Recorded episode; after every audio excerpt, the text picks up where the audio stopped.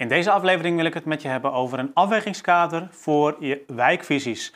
Oftewel, uh, in welke wijken, buurten, kernen ga je als eerste aan de slag met je wijkvisie?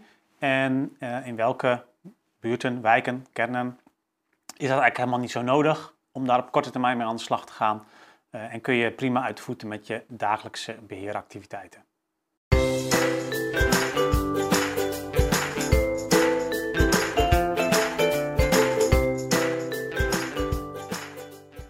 Veel corporaties zijn uh, uh, aan de slag natuurlijk met wijkvisies. En dat is ook een heel goed idee, omdat je ja, vanuit leefbaarheid, maar ook vanuit de warmtetransitie, uh, ja, het heel erg goed is om op wijkniveau naar je bezit te kijken. En um, als je dat doet en je bent daarmee aan de slag, zul je ook zien dat het behoorlijk wat tijd vergt om goede analyses te doen en om ook vervolgens keuzes te maken op wijkniveau die hout snijden.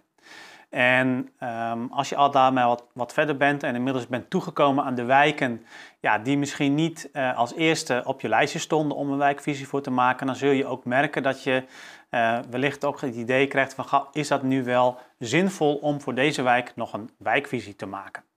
Uh, nou, um, ik denk inderdaad dat het niet nodig is om op elke wijk en voor elke buurt in ieder geval op hetzelfde niveau een uitgebreide eh, analyse te maken en, en een uitgebreide wijkvisie te maken. En dat kun je scherper stellen door een afwegingskader te maken.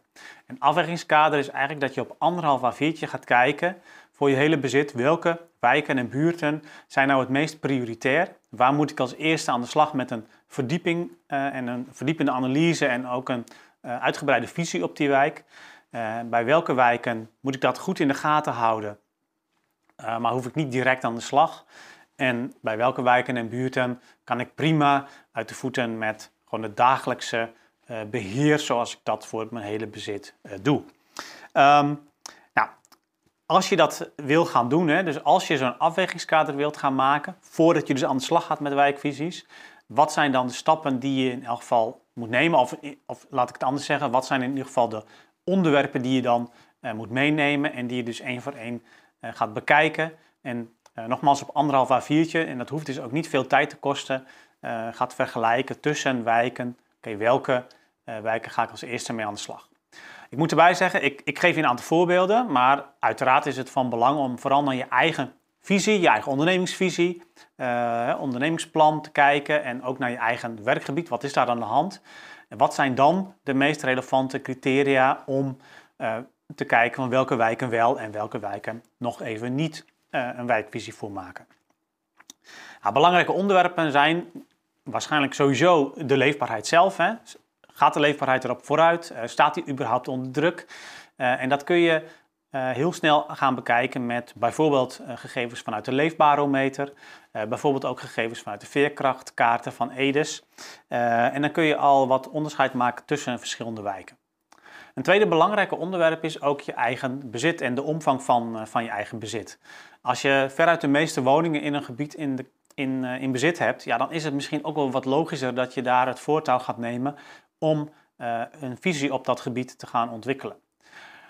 Hoe meer bezit je hebt, ja, dat is natuurlijk ook een maatstaf voor hoeveel belang je hebt bij de ontwikkeling van dat gebied. Hè. Als daar een groot deel van jouw woningen uh, in een bepaald gebied uh, uh, zich concentreren, ja, dan is het ook vanuit bedrijfsmatig oogpunt wel handig dat je je daar natuurlijk in verdiept. en um, ja, je kunt ook het meeste natuurlijk betekenen voor de gebieden waar je het meeste bezit hebt. Of in ieder geval is daar een grote potentie om, je, ja, om daar echt het verschil te kunnen maken. Ja, dan het onderwerp van de warmtetransitie. ook daar ook dat kun je meenemen in je afwegingskader. En uh, kijk dan, ja, staat daar al een warmtetransitie op korte termijn op stapel in dat gebied? Um, en zo ja, betekent dat dan ook iets voor uh, bijvoorbeeld installaties in de woningen? Uh, wat betekent het voor de hele infrastructuur van de wijk? Um, en ja, naarmate dat meer of minder betekent, is het natuurlijk ook weer belangrijker om daar op wijkniveau echt een visie op, op te vormen. En uh, een laatste belangrijke thema wat ik je in ieder geval wil meegeven als een van de voorbeelden is hoe kijken anderen naar die wijk. He, als gemeente, uh, als bewoners zelf, als misschien een zorgorganisatie waar je veel mee samenwerkt. Ja, als die ook met jou, uh, bij jou komen met vragen van hoe kijk je tegen die wijk aan en, en wij willen er wel iets mee, doe je mee?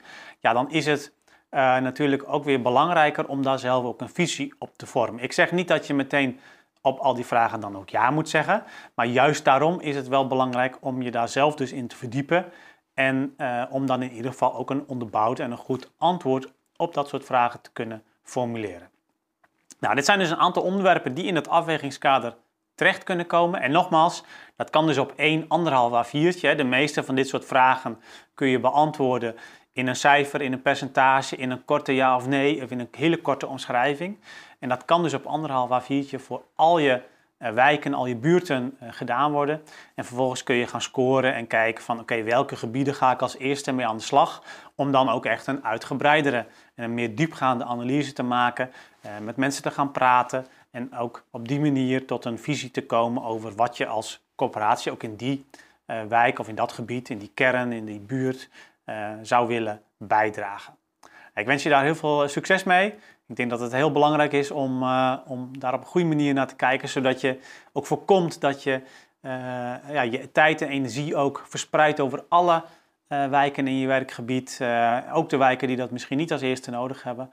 En um, nogmaals, succes daarmee en natuurlijk graag, zoals altijd, tot de volgende keer.